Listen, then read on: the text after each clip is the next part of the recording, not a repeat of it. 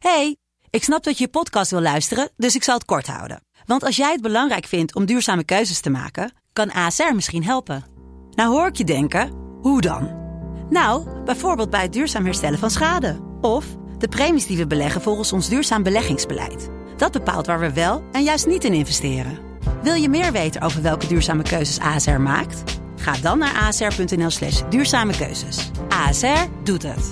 Zo, dan kan je nu lekker naar je podcast luisteren.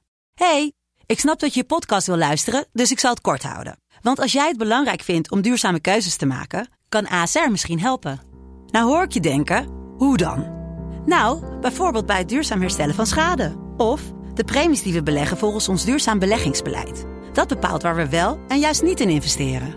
Wil je meer weten over welke duurzame keuzes ASR maakt? Ga dan naar asr.nl slash duurzame keuzes. ASR doet het. Zo, dan kan je nu lekker naar je podcast luisteren. I like big butts and I cannot. Dit is Mand, kortste podcast van Nederland. Vandaag gaan we het hebben over lekkages. Wanneer kan je spreken van een lekkage? Kijk, een beetje vocht is prima.